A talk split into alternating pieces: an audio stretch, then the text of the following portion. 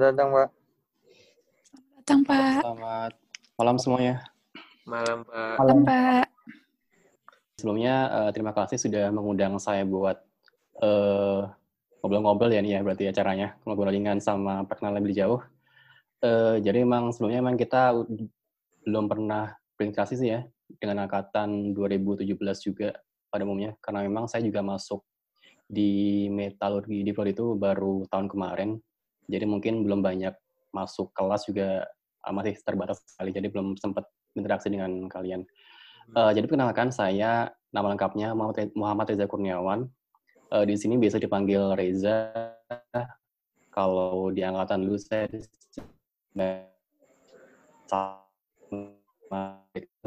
di situ. Uh, saya dulu angkatan 2011 metalurginya. Um, di sini posisi sebagai asisten akademik sekarang di TB di metalurgi. Asal dari Jogja aslinya. Oh dari Jogja. Gitu. Ada lagi yang kurang disebutkan informasinya? Uh, ini sih Pak, mungkin sekarang uh, Bapaknya kan jadi asisten akademik nih. Hmm. Uh, ngapain aja tuh Pak? Uh, apa namanya sekarang sedang kesibukannya ngapain gitu sebagai asisten akademik? Oke, uh, jadi memang uh, di sini kesibukan utama sebagai asmik ya, asisten akademik. Uh, mungkin sekarang yang paling banyak dikerjain itu karena sekarang berubah jadi online semuanya ya, perkuliahan, terus meeting, diskusi semua juga. Jadi mungkin mempersiapkan bahan ajar, membantu dosen-dosen di prodi mempersiapkan video kuliah secara online, secara daring seperti itu. Jadi sudah banyak dosen dari kita yang mengupload video kuliahnya mereka di YouTube, kemudian mengubah semua materinya secara online, secara daring, diskusi dengan mahasiswa. Itu juga kami sempat membantu juga ke mereka. Kita uh, berdiskusi, membantu cara memberikan prosedur cara uh, membuat videonya, kemudian uh, memberikan tips cara biar uh, videonya itu terlihat lebih bagus. Kemudian juga mungkin kita sempat uh, memberikan uh, fasilitas pengeditan video dan sebagainya. Jadi mungkin itu sih sekarang yang lebih sering dilakukan. Di samping juga kegiatan uh, yang lainnya seperti membantu mempersiapkan slide materi, mungkin itu uh, juga dibantu oleh masing-masing dosen muda dari dosen senior. Sebagai ASMI kita juga memiliki peran itu jika diminta, selain juga mempersiapkan bahan ajar tadi. Mungkin itu sih yang sekarang banyak yang sekarang banyak dilakukan karena online. Jadi lebih berat nggak sih Pak ya kalau online gini? Apa sama aja?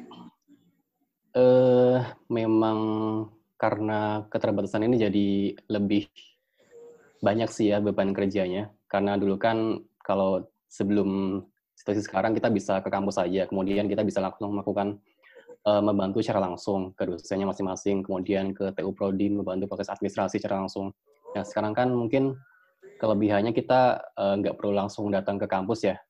Uh, jadi kita bisa langsung uh, menghubungi masing-masing dosen atau staffnya gitu dari TU atau dari uh, dosennya. Mungkin ya kalau dibilang lebih berat sih uh, enggak juga. Cuman mungkin beda melakukan uh, pekerjaan ini tuh membantu dosen dan staff akademik tuh bisa ada time frame-nya dari pagi hingga sore saat kita di kampus. Cuman sekarang mungkin karena sekarang agak uh, arbitrary ya, agak kurang jelas jam kerjanya itu dari bisa siang, bisa pagi diberi diberi uh, mengerjakan tugasnya, diberi diminta tolongnya. Jadi mungkin itu sih bedanya dulu sama sekarang. Iya, apalagi ya udah di rumah gitu kan. Iya, yeah, jadi sewaktu-waktu bisa mungkin diminta atau untuk mempersiapkan materi ini, kemudian minta tolong untuk mengupload ini, dan ya itu mungkin bisa sewaktu-waktu, nggak pas dulu saat kita di kampus saja diminta ya tolongnya. Jadi bisa pas weekend juga, bisa pas hari kerja juga, kayak iya. gitulah. Uh, lagi di Bandung apa lagi pulang, Pak? Uh, sekarang masih di Bandung karena juga ada proyek penelitian juga. Uh, saya di sini kan rencananya di membantu di bidang hidrometeorologi dengan Pak Zaki. dan juga nanti dengan Pak uh, Pak Zela dan juga Pak uh, Pak Wira juga kalau udah ketemu dengan dua-duanya. Jadi sekarang selain membantu proses sebagai asisten akademik, saya juga membantu penelitian yang sekarang berjalan, penelitian di bidang hidrometeorologi oleh Pak Zaki. Oh, jadi kata jadi, penelitiannya? Karena hmm, penelitiannya karena saat ini mungkin di kampus belum bisa dimasuki ya untuk penelitian mahasiswa S1. Jadi uh, penelitian yang sekarang dilakukan ini dilakukan di suatu laboratorium workshop gitu di Cimahi, milik salah satu uh, mahasiswa S3-nya Pak Zaki juga. Jadi di situ dia punya workshop dan ada beberapa space yang tersedia buat dilakukan penelitian. Jadi uh, saya sebagai koordinatornya membantu memprogres mahasiswa di sana beberapa yang melakukan penelitian. Selain Oh, ini ya, Pak.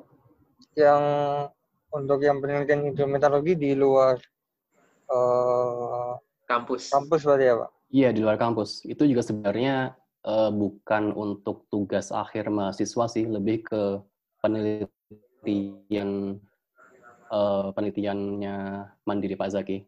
Kalau tahu kemarin yang tentang penelitian MMI Award itu, yang Pak Zaki mendapatkan salah satu nominasinya itu yang kami kerjakan sekarang di sana di bidang hidro untuk meneliti uh, membuat sintesis nikel sulfat dan kobalt sulfat dari biji nikel.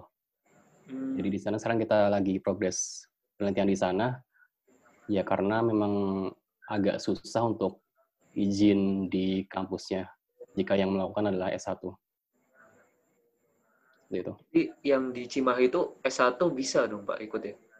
Iya, jadi um, sebenarnya di penelitian ini selain S1 dari metodologi kita, kita juga ada beberapa mahasiswa kampus lain dari Unjani dan juga ada mahasiswa S2 S2 di Hidro juga yang di situ. Jadi nggak jadi campur campur karena memang ada beberapa topik penelitian jadi dibagi di situ yang di sana percobaannya. Oh iya Pak, tadi kan penelitiannya bareng Pak Zaki kan. Terus kalau hmm. asisten akademiknya kayak ngajar-ngajar itu juga kebantunya Pak Zaki atau kayak lain? Nah kalau masalah pengajaran sebenarnya disesuaikan dengan bidang keahlian yang diminati masing-masing sih. Jadi mungkin saya dulu sempat beberapa kali masuk di ruang kelas untuk memberikan menggantikan Pak Zaki mengajar. Dulu kalau dulu tuh di kelas hidrometeorologi, di kelas rancang pabrik dan kelas ya di dua kelas itu. Jadi uh, mungkin kalau di kelas lain saya nggak masuk karena memang bukan bidang keahlian yang saya uh, usulkan saat diajukan jadi asmik dulu itu. Jadi tetap bisa mengajar juga, cuman sebatas menggantikan uh, peran dosen saat sedang berhalangan atau memberikan tutorial seperti itu jadi mungkin kalau ada asmik yang lain, kalau tahu Pak Wildan, dia kan uh, di bidang keahliannya di Pak Edi Sanwani kan di PBG. Mungkin kalau Pak Edinya berhalangan, dia bisa menggantikan kelas seperti itu. Kemudian kalau di mata kuliah lain juga mungkin kalau yang senior berhalangan, yang menggantikannya dosen mudanya. Jadi uh, istilahnya kita nggak bisa sewaktu-waktu menggantikan peran ngajar dosen lainnya. Harus diperhatikan juga bidang keahlian bidang keahlian dia seperti itu biar sesuai dengan apa yang dia ajarkan dan tidak salah informasi yang diberikan istilahnya. Uh, berarti dulu waktu masih kuliah ambilnya hidro juga atau apa nih pak? Iya dulu saya satunya dengan Pak Zagi juga itu waktu penelitian S1 ya. Jadi pas sebenarnya pas S1-nya dulu hidro, kemudian lanjut S2 juga di hidro juga, kemudian sekarang masuk di ASMIK dengan keahlian hidro juga. Gitu. Ada rencana mau S3 nggak Pak? Uh, ya sebenarnya sebelum pandemi ini dulu sempat uh, nge-apply juga dan alhamdulillah dapat kampus S3 di Kanada di British Columbia dan awalnya rencananya September ini sih, September tanggal 1 tuh udah mulai um, kuliahnya di Kanada. Cuman karena pandemi ini jadi diundur jadi 1 Januari 2021. Oh. Jadi insya Allah nanti mungkin sekitar ya Desember itu udah berangkat ke sana. Berangkat lagi ya Pak ya? Iya.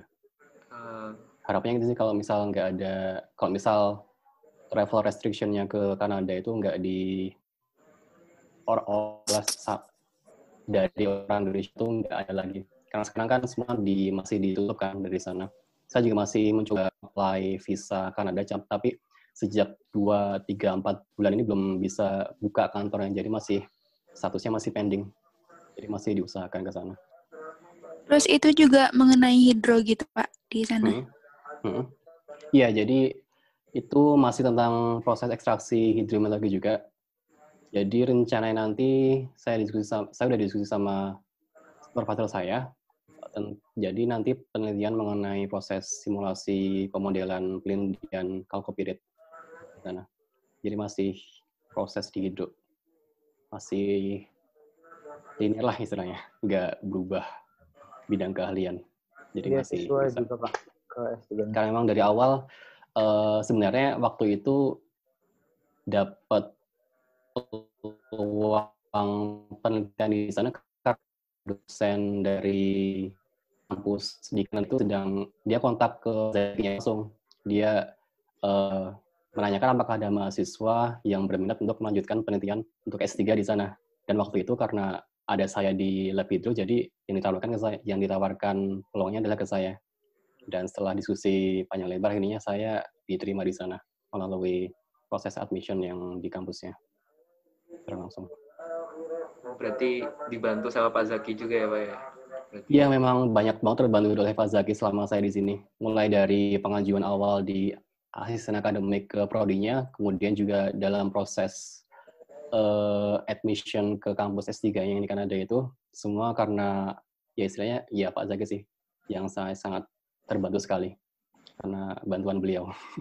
Anak emasnya Pak Zaki nih kayaknya. Oh iya, Pak mau tanya lagi nih tertarik banget sih sama yang tentang S3 gitu. Kalau hmm. kira Pak Sakani kenapa sih milih kan tadi dikasih gitu kan ya sama eh, dikasih rekomendasi dari Pak Zaki gitu kan di Kanada. Hmm. Kira-kira itu kelebihannya di Kanada itu apa? Terus kira-kira ada lagi nggak sih S3 di tempat lain gitu yang Pak Saka tahu? Ya, balik lagi sebenarnya kalau misal kita minatnya di mana kalau saya sih kan kan karena hidro, saya lihat kampus yang di Kanada itu di University of British Columbia itu salah satu yang bagus penelitian di bidang hidronya. Dan juga supervisor saya, uh, Profesor David Risinger itu juga salah satu uh, apa istilahnya tokoh yang tokoh hidro itu melalui lalang di industri metalurgi di industri, di pendidikan, udah banyak juga publikasi ke mana-mana. Jadi saya malah merasa beruntung banget bisa menjadi anak bimbingan dosen itu dosen saya itu nantinya. Salah satu pertimbangannya itu sih karena penelitian di kampusnya, kemudian juga supervisornya. Mungkin agak berbeda jika dari bidang lain, mungkin kalau di pengolahan bahan galian di Kanada itu juga bagus di tempat Pak Abdul Rashid sekarang kalau udah pernah ketemu itu yang di McGill University itu juga salah satu yang bagus di dunia untuk bagian PBG-nya. Kemudian kalau PBG juga mungkin kampus yang bagus tuh di Jepang tuh ada banyak kampusnya di Kyushu. S2 juga gitu, Pak atau S3? Jadi memang S2 S3 kan tergantung dibukanya di kampus itu apa. Kalau misal biasanya kan tergantung penelitian yang banyak dilakukan di sana. Hmm. Jadi bisa S2, bisa S3, tergantung apa yang nanti dibuka di sana. Tapi biasanya dua-duanya buka sih di satu tahun ajarannya. Kalau misal Medfis itu lebih bervariasi lagi karena ilmunya lebih dibandingkan aksi dan pengolahan bahan galian menurut saya Medfis itu kan masih berhubungan sama material, jadi lebih banyak opsi yang kita bisa cari bisa di Eropa banyak sekali medfish atau material yang berkembang. Kemudian di Jepang itu apalagi di Jepang Korea itu sangat berkembang sekali ilmu materialnya. Kemudian di kalau di Australia itu sebagian mungkin yang bagusnya di ekstraksi juga sih. di ekstraksi dan di PBG itu juga bagus. Seperti itu. Um, kalau di Amerika bagus itu di kom Colorado. ya. Ya, Colorado School of Mine itu salah satu yang terbagus di dunia, yang tempat kuliahnya Pak Shoni Supriyanto dulu, S3-nya. Itu salah satu yang bagus juga, di samping yang lain saya sebutkan tadi. Jadi mungkin kalau ada yang berminat S2 bisa dicek lagi sih sebenarnya, apa kampus yang memiliki penelitian bagus di bidang tersebut, kemudian dilihat track record uh, alumninya juga, kemudian fasilitas penelitiannya, kemudian ranking kampusnya, kemudian supervisornya kayak gitu. Dan juga kalau misal uh, S2 kan ada biasanya ada yang melanjutkan secara penelitian atau secara kuliah ya coursework. Jadi ada yang coursework sama research base. Kalau misal kalian ingin dan melanjutkan S2 melalui jalur penelitian, nanti mungkin cuman secara sama dua tahun itu kebanyakan melakukan penelitian di laboratorium. Jadi mungkin kuliah-kuliahnya masih sedikit uh, jadi sedikit beda dengan yang tipe coursework di mana kalian mungkin masih akan masuk masuk kelas. Jadi ada dua jenis itu. Nah, kalau misal kalian pilih yang research base kuliahnya, mungkin kalian harus menghubungi profesornya terlebih dahulu. Jadi harus mendapatkan approval dari profesornya sebelum kalian lanjut ke kampus S2 untuk mengapply secara resmi di admission website-nya mungkin. Seperti itu. Kalau dari ITB sendiri, uh, ada nggak sih pakai link gitu dari dosen-dosennya? Tadi contohnya kan Pak Zaki kan linknya ke Kanada gitu. Kalau yang lainnya gitu kira-kira ada nggak Pak? Ya, itu mungkin dari masing-masing dosen juga sih. Kemarin sih sebenarnya uh, selain yang kalau Pak Zaki ya, selain yang dari itu ada beberapa opsi alternatif juga yang Pak Zaki punya kenalan, misal di kampus di um, yang sekarang Pak Wira itu di Leuben, itu kan dulu juga supervisornya Pak Wira itu uh, mantan teman seangkatan Pak Zaki pas S3 dulu, jadi dapat uh, dapat koneksi di situ buat dijadikan mahasiswa bimbingan S3 di sana. Nah, mungkin juga dosen lain di metodologi kita juga ada seperti itu. Atau ada tawaran penelitian.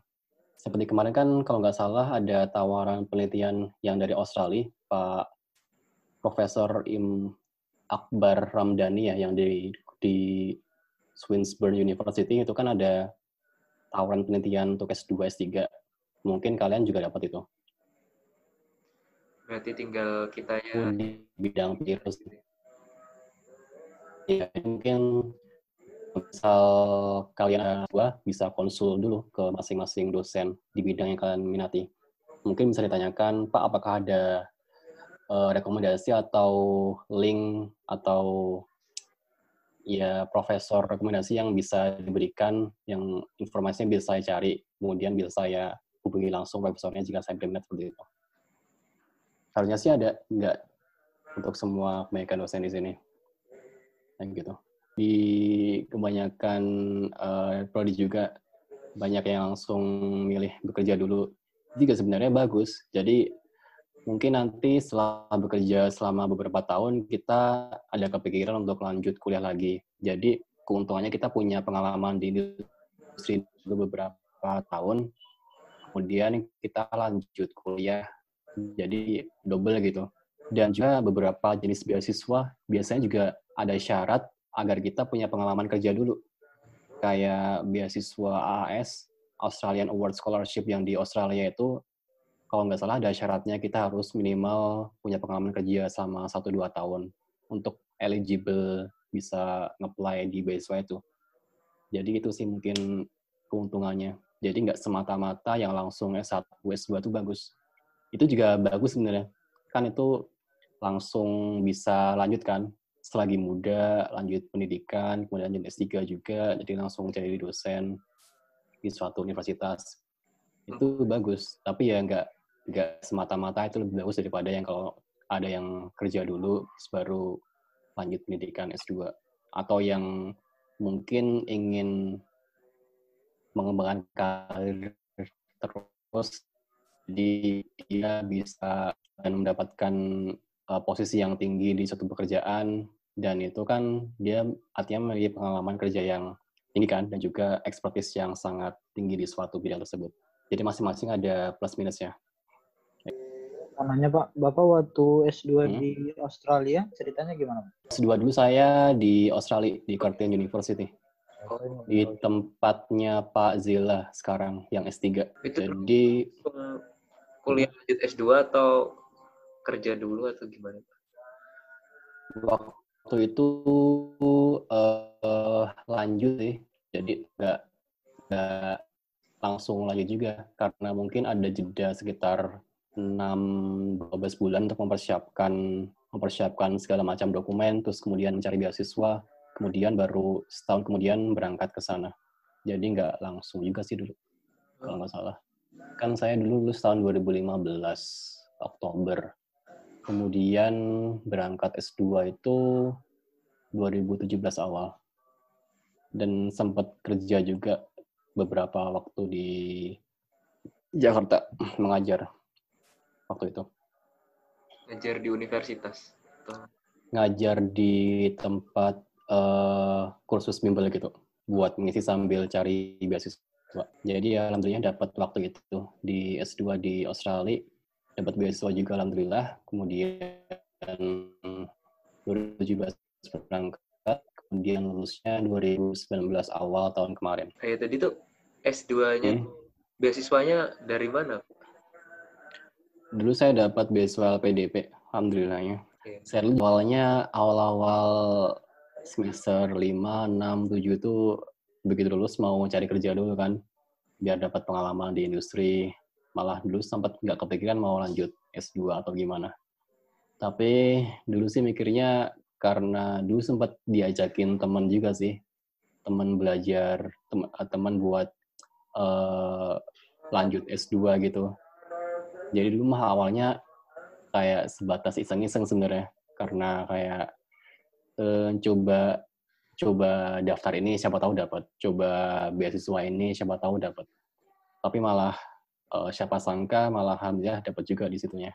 Jadi waktu itu mikirnya daripada kerja mending coba lanjut kuliah dulu aja. Siapa tahu nanti dapat kesempatan lagi yang bagus setelah lulus. Bisa lanjut kerja di sana atau bisa dapat pekerjaan setelah lulus gitu atau gimana. Jadi ya mungkin pilihan hidup itu nggak bisa muncul tiba-tiba sih. Bisa di awal kita mikir A, kemudian di suatu jalan kita menemukan suatu opsi lain yang mungkin lebih menarik, jadi kita berubah pilihannya, yaitu tergantung masing-masing. Dan mungkin ya eh, mana yang lebih baik itu kan relatif ya tergantung. Jadi ya tergantung masing-masing gimana mikirnya. Kalau saya sih dulu seperti itu. Oke. Kalau kehidupan S1-nya gimana nih ceritanya? kehidupan yang apa dulu nih? Kehidupan dulu sih uh, biasa ya satunya nggak ada yang wah sekali karena dulu kan memang masih sedikit kan mahasiswanya pas zaman saya uh, pas 2011 masuk tuh jurusan metalurgi masih uh, jurusan uh, yang masuk peminatan kalau nggak salah. Peminatan. Kalau nggak salah pas 2011 atau 2010 gitu. Jadi masih jadi jurusan yang kalau dari awal milih itu nanti um, kuli uang kuliah semesterannya itu dibebaskan karena mungkin waktu itu masih agak baru ya, karena kan baru terbentuk 2006, 2006 kan, jadi mungkin masih banyak yang masuk ke metodologi. Jadi ya karena masih sedikit uh, mahasiswanya, jadi satu angkatan itu, jadi satu angkatan itu masih sedikit, jadi mungkin masih sangat, jadi kita dulu masih erat sekali saudaranya. Lewat zaman-zaman kaderisasi, kemudian sering keluar bareng, kemudian sering juga ngadain acara bareng itu sering banget dulu karena cuma 36 orang kan jadi nggak susah lah buat mengkoordinir seperti itu. Kalau kehidupan berangkatan ya. Kalau Kalau kehidupan akademis sih aman-aman aja dulu empat tahun nggak ada yang surprising atau out of the box gitu. Dosen dulu, oh ya dosen dulu saya masih sempat ketemu sama Pak Sunara. oh, Dulu pernah dengar nggak Pak Sunara kan dulu ya dulu sempat dulu pas zaman saya itu eh, 2014 apa 13 gitu Pak Sunaranya pensiun dari ITB. Jadi sempat udah pernah dengar cerita kalau Pak Sunara ngajar itu salah satu dosen yang terhebat sih yang di sini yang sangat semangat sekali buat ngajarnya. Jadi em, masih Sabtu Minggu ada kelas tambahan, kelas malam juga ada demi menghabiskan materi. Kemudian kalau ujian juga sering bawain makanan.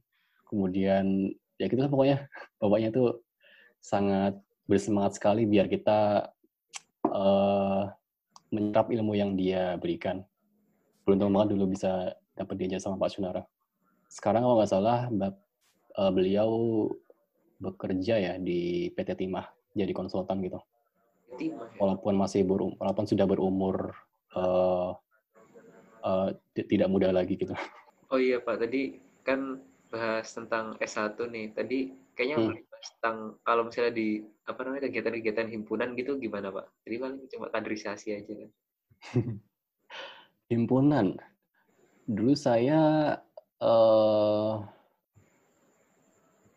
Iya dulu saya juga dulu eh, mungkin rangkaiannya kaderisasi nggak beda jauh dari sekarang sih. Ada ikutan semacam program kaderisasi eh, dari angkatan atas gitu. Kemudian secara resmi masuk ke himpunan, kemudian baru masuk ke departemen-departemen, kemudian berkontribusi di situ. Kalau saya dulu masuknya pas eh, tahun pertama masuk himpunan tuh masuk di divisi keuangan apa dana usaha dulu ya kalau nggak salah dana usaha kalau nggak salah terus baru tahun keduanya masuk ke divisi kesekretariatan dan keuangan terus ketiganya masuk ke divisi eh kominfo komunikasi dan informasi yaitu yaitu iya, Kahimnya waktu 2011 tuh Pak Halim ya berarti ya? Eh, 2009 dia Iya, 2009 tuh angkatannya kan. Berarti Iya. Jadi ketua himpunan 2000. oh iya iya dulu pas iya dulu pas saya masuk himpunan tuh yang orasi depan barisan ya Pak Halim itu. Yang bagian orasinya.